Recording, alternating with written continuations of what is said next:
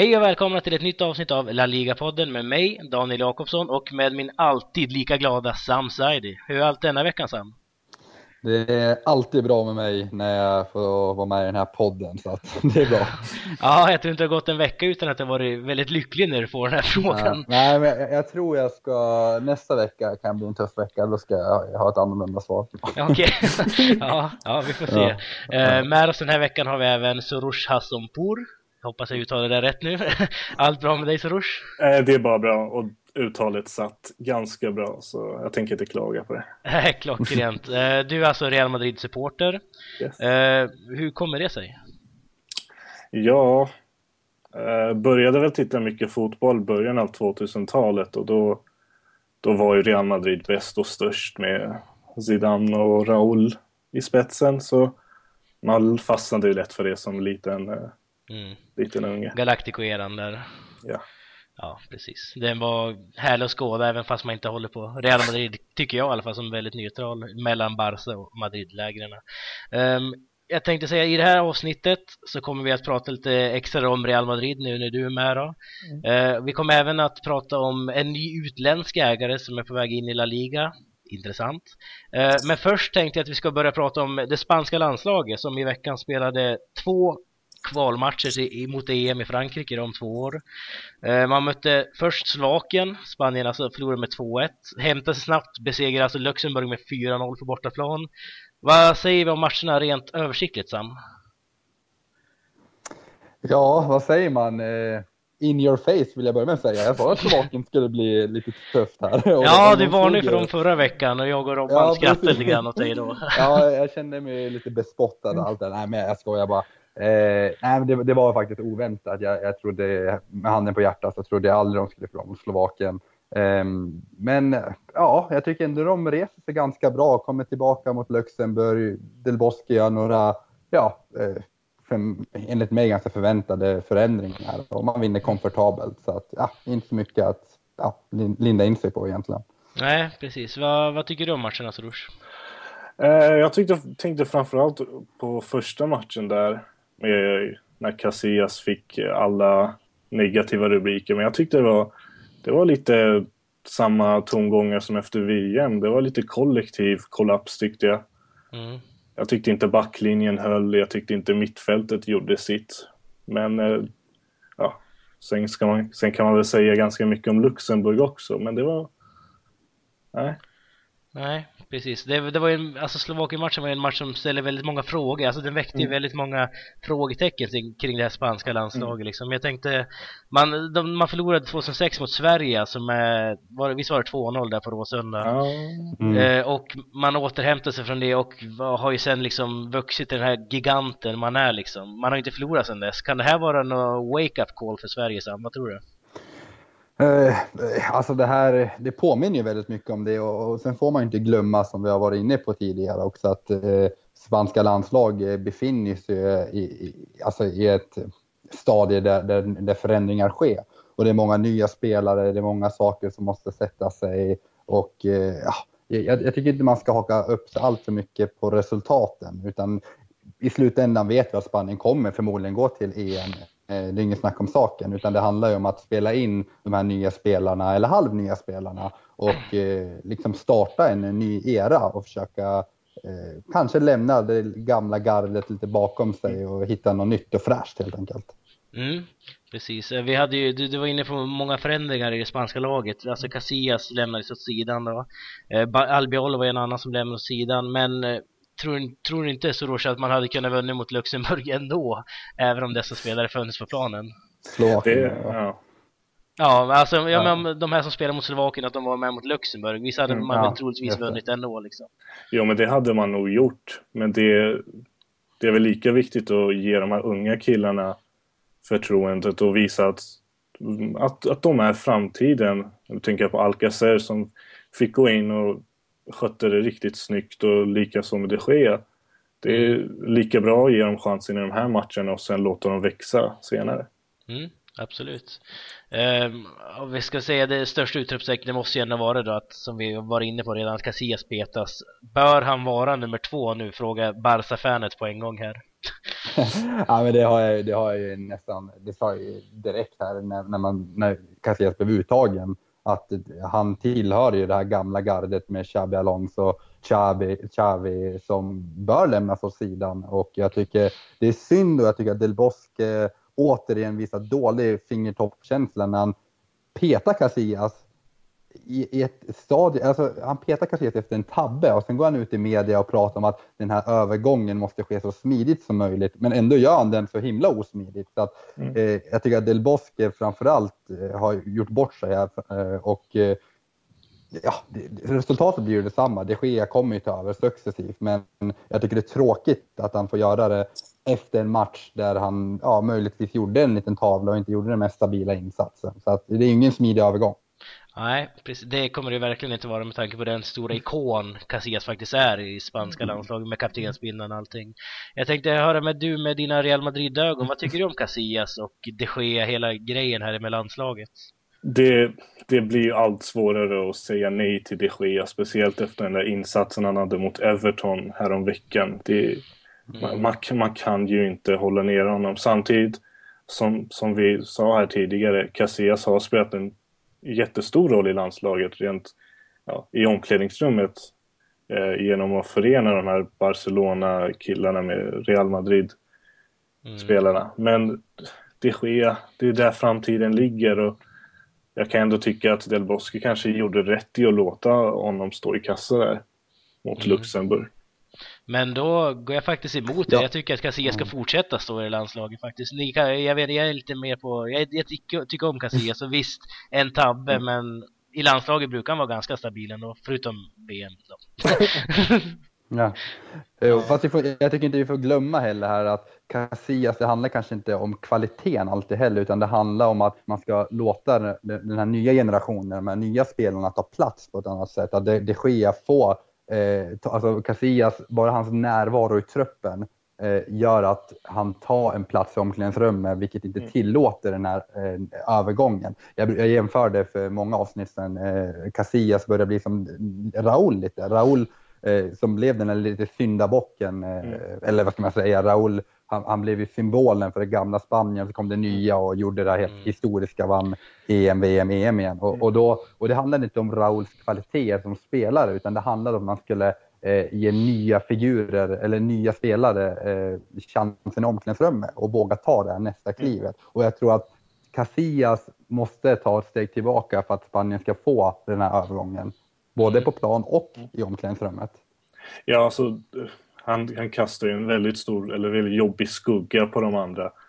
Och visst, Raúl, stor som han var, mm. men Casillas har ju, han har ju VM-titeln och allt det där. Och, jo, det, det kanske stämmer, han kanske måste bort, men samtidigt tycker jag inte man heller får stressa fram den här övergången lite för snabbt. Nu har ändå rätt viktiga spelare lämnat. Så det kanske, det kanske ändå har bra att ha kvar honom på något hörn. Mm. Mm. Ja, det är en intressant diskussion. Det, kom, det känns som att den här kommer fortsätta liksom ja. tills vi har fått det ske som nummer ett liksom. Ja, för det ehm, kommer ju ske liksom. Det, det kommer ju ske faktiskt. Det, det är en tidsfråga, ja. ja. Om inte Kiko Casilla känner för att liksom steppa upp ännu mer. målvakten.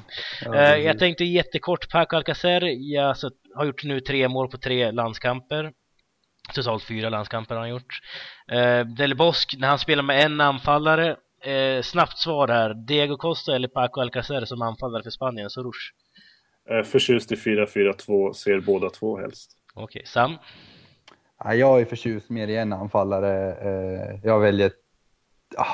Ah, Ja, det blir nog Diogo Costa. Alltså. Ja, det blir det. Han ja, gjorde nu mål det. mot Luxemburg då, men jo. annars har det varit lite kallt i landslaget. Ja, jag skulle vilja gå djupare här, men jag antar att det tar tid för det. ja, det lite, lite dåligt med tid just här nu. Nej, det är en svår fråga, men jag håller med. Jag är också öppen för det här med två anfallare, speciellt med tanke på att Alcacer producerar så bra i landslaget också. Mm. Och sen kommer Negredo snart tillbaka till skada. Det ska bli intressant ja. att se vad man har att jobba med senare. Jorente verkar ju vara helt borta från Iskall, den här diskussionen. Ja. Eh, vi ska faktiskt sätta stopp för del 1 här med landslaget och när vi är tillbaka så snackar vi del 2 och lite mer Real Madrid.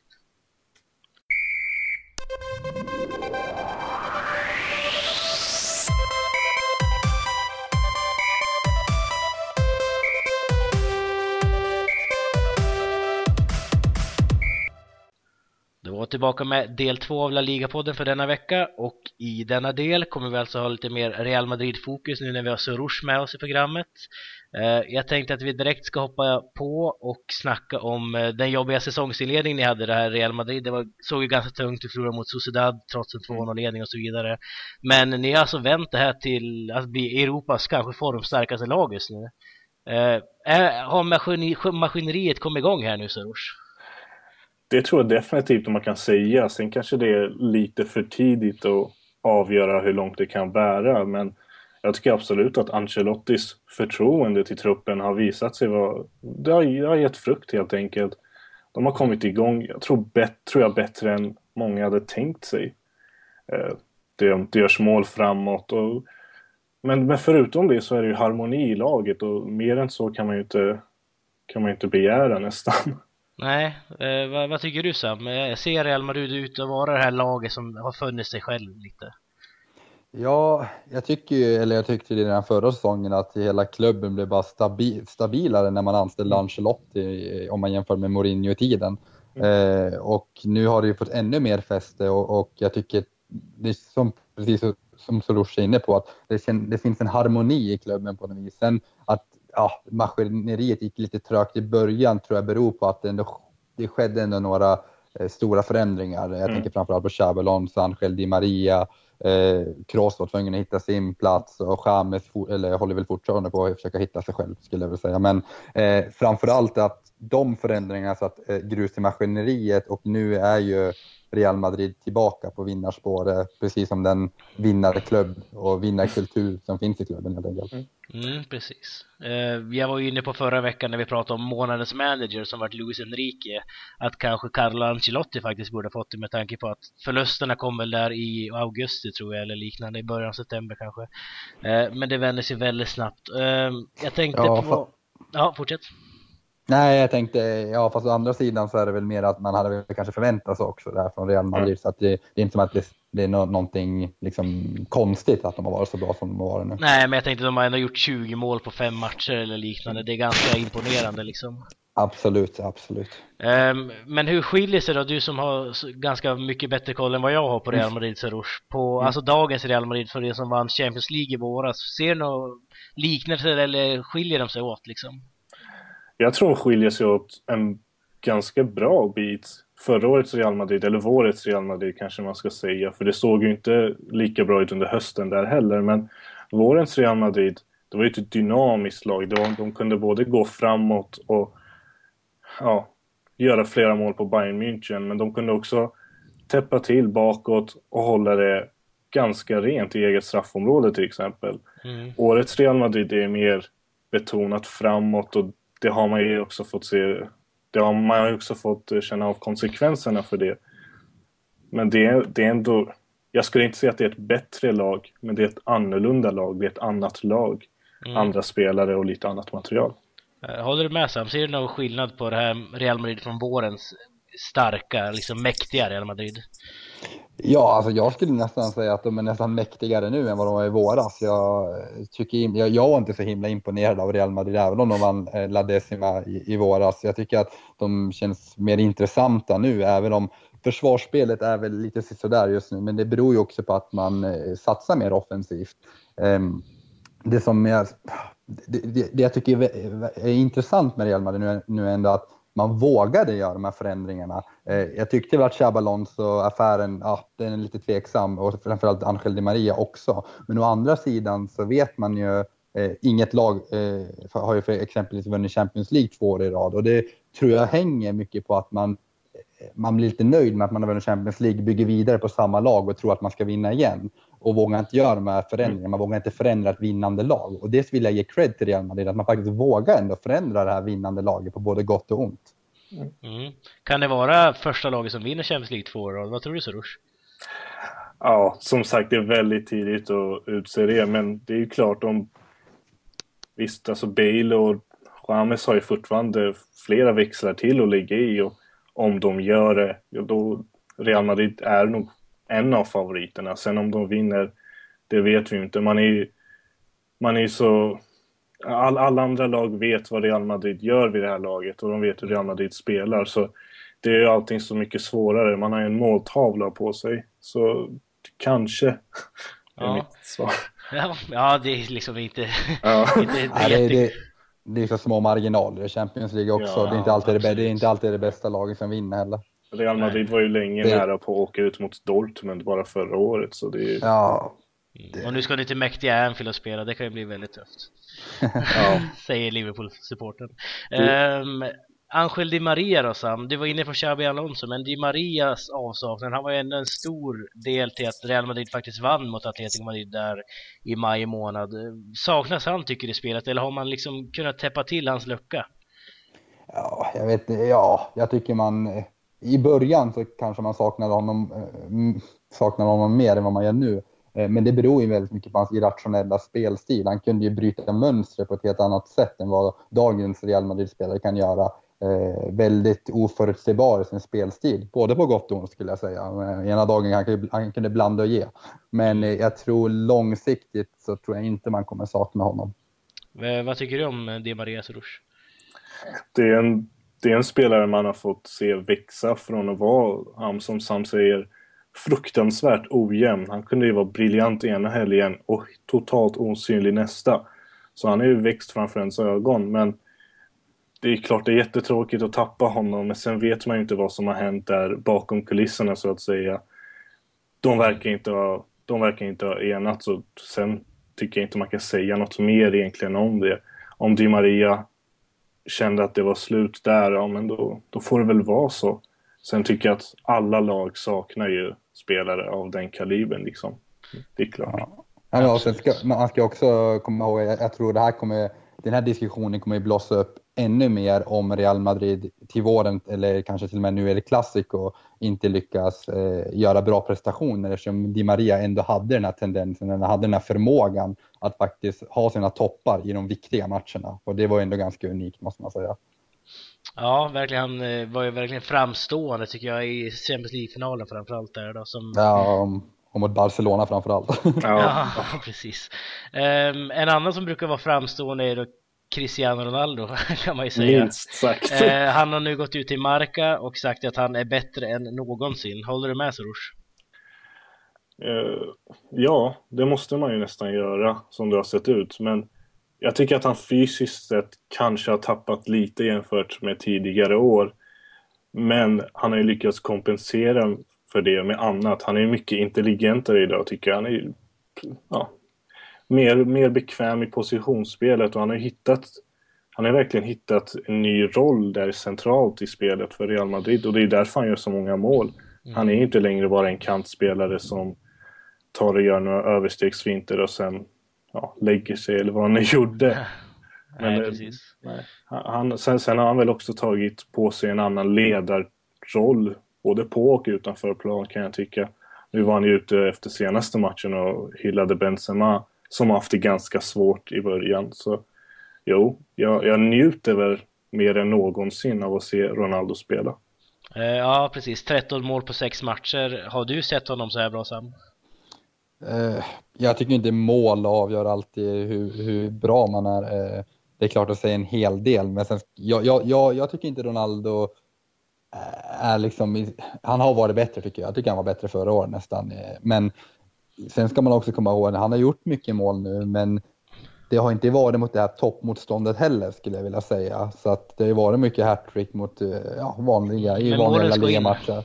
De ska in absolut, men Mm. jag, jag skulle nog inte säga att det är den bästa Ronaldo jag har sett. Liksom. Absolut inte. Jag, jag tycker nästan han var hetare förra året. Men det, det är fortfarande för tidigt att säga. Liksom. Vi får se liksom, Ja. hur, hur den här säsongen artar sig. Sen har, sen har ju han haft lagkamrater som har haft svårt att komma igång med målskyttet och då blir det ju mer han som får ta det lasset. Så visst, det, Ja, det absolut. vi kommer nog se mer av det inom, ja, bara nästa vecka kanske. Mm, precis. Benzema ligger då på tre mål, Bale på fyra. Jag vet inte, James har ju gjort ett tror jag mot Deportivo borta eller något liknande. Så att det, det är klart det finns mer mål att hämta från de andra men eh, man måste ändå hylla han för det han har gjort hittills tycker jag. Mm. Eh, Ja, ba- det- Ballon d'Or-vinnare? En öppen fråga till dig Sam.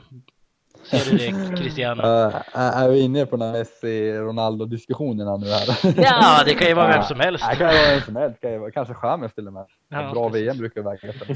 Nej, inte nu längre, det brukar det inte jag. Men eh, ja, Ronaldo är definitivt, han, jag skulle säga att Ronaldo är favorit och han gick väl ut nu i dagarna och sa att han, han siktar på sin andra raka Ballon d'Or.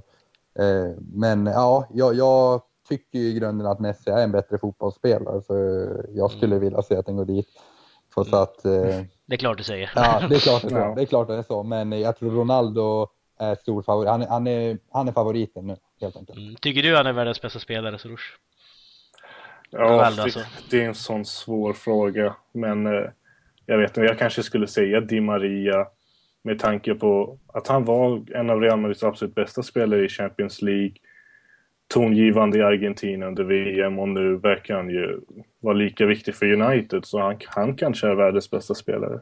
Ja, det var en intressant eh, infallsvinkel faktiskt. Det hade jag inte tänkt på riktigt. Det är oftast Ronaldo och Messi man nämner i de här sammanhangen. Ja, alltså, man, man, ja, man hamnar ju i det ofta.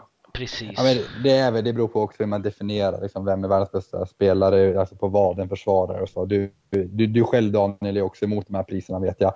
Men eh, jag tänker framförallt att kollar man ändå så här, kommer det förmodligen stå mellan Messi och Ronaldo. Så ja. det spel, i, I slutändan är det ju liksom, oh, det, det, de här priserna säger inte så mycket i slutändan. Nej. Nej, absolut inte. Och eh, jag tycker faktiskt vi lämnar det där och eh, vi ska sätta stopp för del två. Och när vi kommer tillbaka så kommer vi prata om en ny utländsk ägare som är på väg in i La Liga. Spännande! Mm.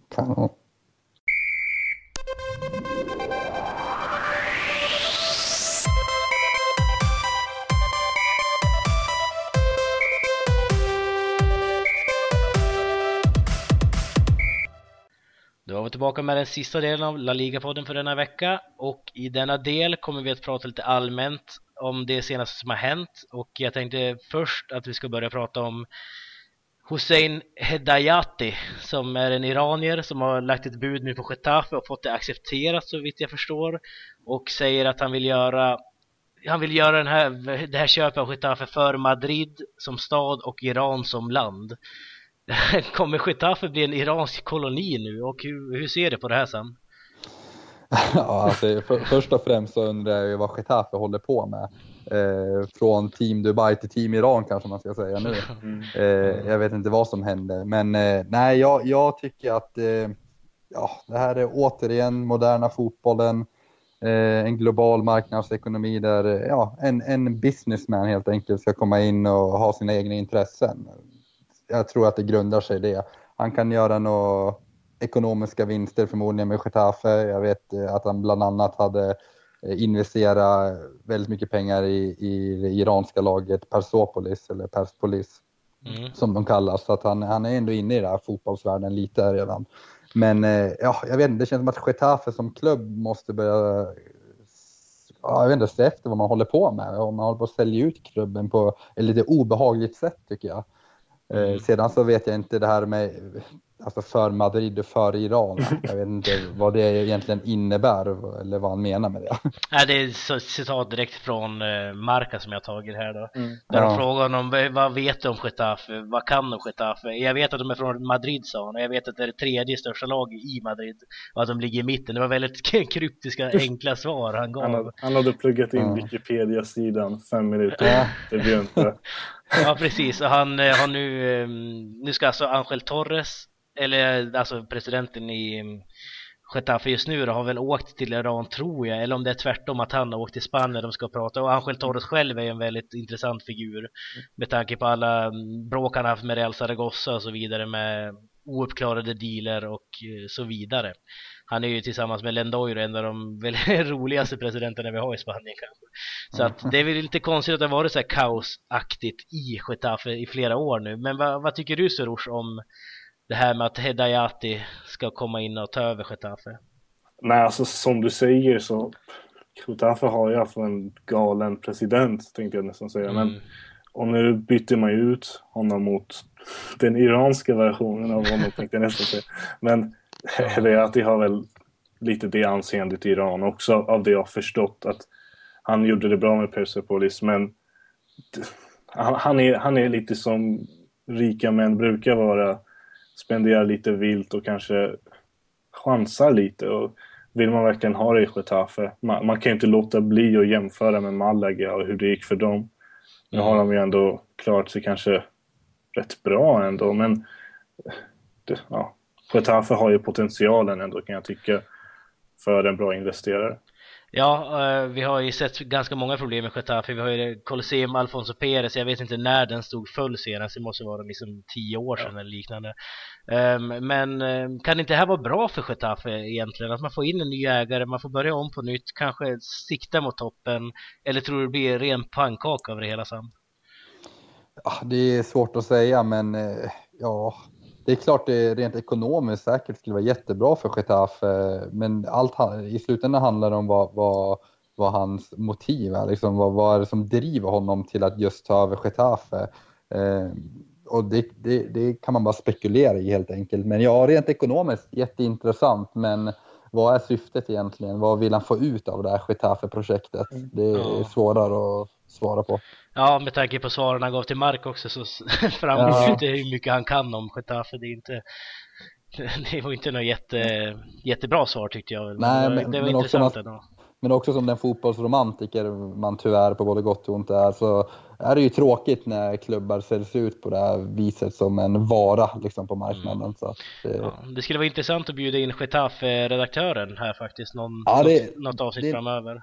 Det är nog dags tror jag. ja, precis. De har ju nu öppnat en ny sida på Svenska fans, vilket vi kan rekommendera mm. er att kolla in igen. Mm. Um, vidare tänkte jag att vi skulle prata om LFPs president, alltså spanska, eh, spanska förbundets president Javier eh, Tebas vill jämna, till slut jämna ut tv-pengarna nu mellan klubbarna och han tycker att vi ska närma oss, alltså i spansk fotboll, den italienska vägen mer. Vissa säger att vi ska gå den engelska vägen där det är nästan lika mellan klubbarna. Va, vad tycker du om det här Serush? Att vi ska jämna ut tv-avtalen? Jag tycker att det i grund och botten är ganska bra. Visst, Real Madrid och Barcelona är ju de stora huvudattraktionerna men samtidigt måste man ju också inse att om inte ligan är konkurrenskraftig så tappar ju hela ligan värdet. Alltså det, det går ut över Real Madrid och Barcelona också. Vi såg ju bara förra året, jag tror de flesta kände så att intresset i ligan var som störst när Atletico blandade sig in i titelracet. Och det är lite samma sak i år nu när, Valen när, när det har gått bra för Valencia. Det, det skapar ju en helt annan atmosfär kring hela ligan känner jag. Mm, håller du med Sam? Ja, jag håller definitivt med fullt ut i det Firouz säger. Jag kan bara tillägga att skulle man ta, när, när jag pratar med liksom, även kompisar som är, inte så insatt i fotboll, eller, eller de är insatta i fotboll men de kanske inte följer någon liga specifikt. Eh, men man märker att i Premier League så finns det en helt annan konkurrens där de här stora matcherna väcker ett helt annat intresse medan när Barcelona möter Valencia då, då lockar man inte till sig den här vanliga fotbollssupporten alltid just för att det är så stora klyftor. Eh, mm. Och precis som Soros säger så tjänar Real Madrid och Barcelona på att det liksom den här eh, fördelningen blir jämnare. Det kommer göra ligan mer attraktiv, det blir roligare att följa ligan och vi får, eh, får fler konkurrenskraftiga lag. Ja, man får ju tänka på att Premier League har ju sen eh, ja, Sky Sports gick in där på 90-talet har ju verkligen promotat sig själv på ett helt annat sätt. Mm. Man har ju haft liksom en match mellan Tottenham och låt säga Everton kanske inte låter jätte så lockande för oss men i många öron låter det mer lockande än Sevilla Villarreal vilket är ganska Absolut. jättekonstigt med tanke på att Sevilla Villarreal kanske är bättre lag än Tottenham Everton tycker jag men de har lyckats med någonting där borta på de brittiska öarna som inte LFP har lyckats med i La Liga riktigt än tycker jag mm. men eh, ja, jag tänkte fortsätta på det här spåret med mm, med tv-avtalet, kan det inte bli lite orättvist mot eh, exempelvis Real Madrid och Barcelona att man jämnar ut det här? För de är ju faktiskt två lag som är emot det här att man ska jämna ut det. Vad tycker du Soros? Alltså som jag har förstått det, nu är jag ingen ekonom eller ens inne på den linjen, men som jag har förstått det så är det ju så att tv-intäkterna inte längre är den största inkomstkällan för de här klubbarna. Och med avseende på det, ja, men då kanske, då kanske inte det är jätteorättvist om man fördelar det bättre. För, för de mindre klubbarna skulle det betyda enormt mycket att få ta del av den här kakan. Men ja, det är klart, det är Real Madrid och Barcelona som är ute och spenderar miljarder under transferfönstret. Och det är de som står för den ja, vad ska man säga, uppmärksamheten. Eller. Ja, men det blir som en ond cirkel där, eller vad tycker du Sam? Med att man drar in pengar och man spenderar pengar. Jag vet inte, jag är inte heller någon ekonom, men vad tycker du? Nej, nej men det, det, är väl så att Real Madrid och Barcelona, de, de, det är de som liksom drar in mest pengar eh, och de, det är de som är den här, eh, vad ska man säga, ekonomiska faktorn som gör att liksom, de här tv-intäkterna kommer in överhuvudtaget. Liksom. Det är de som är de mest attraktiva klubbarna. Mm. Men, så att det, i slutändan är det ju tragiskt nu, nog ganska egoistiskt att både Barcelona och Real Madrid inte vilja dela med sig av det här bara för att de har varit bättre, bättre på att marknadsföra sig själva och är större klubbar. Men, men jag hoppas att eh, de inser att de kommer långsiktigt tjäna på en mer attraktiv och konkurrenskraftig liga, för det kommer de verkligen göra. Mm. Precis. Uh, jättesnabbt tänkte jag dra att eh, nu har Marca lagt fram även minimilönen i La Liga, eller Marca har inte lagt fram det, La, La Ligas eh, förbund har lagt fram det här. 129 000 euro per säsong tjänar alltså en spelare minst, det här är alltså så lågt du kan komma om du, alltså juniorspelare snackar vi nu, 129 000 euro per säsong, vilket är alltså 14 gånger mer än vanlig spansk medborgare. Det låter ju väldigt orimligt, men eh, en enkel fråga, tjänar man för mycket Sorush? Ja, det tycker jag. Det är mm. speciellt för ett land som har gått igenom så mycket, som har härdat så mycket ekonomiskt. Mm. Sam? Absolut, den här fotbollsvärlden har blivit helt galen skulle jag vilja säga. Jo, det gäller inte bara Spanien. Eh, men framförallt Spanien med tanke på den ekonomiska krisen så är det helt orimligt att det är sådana glapp. Och eh, ja, det är väl mer en politisk fråga skulle jag säga nästan eh, när man kommer in på utbud, efterfrågan och marknadsekonomi. Precis, och det, vi hinner inte gå in på det nu heller och jag tror att vi är ganska eniga om att man i slutändan tjänar lite för mycket men det är en helt annan diskussion som vi tar ett helt annat program. Eh, ja. jag, tänkte nu att vi ska avsluta La Liga-podden för denna vecka med veckans Tocuero och veckans Faubert. Sam, let's go!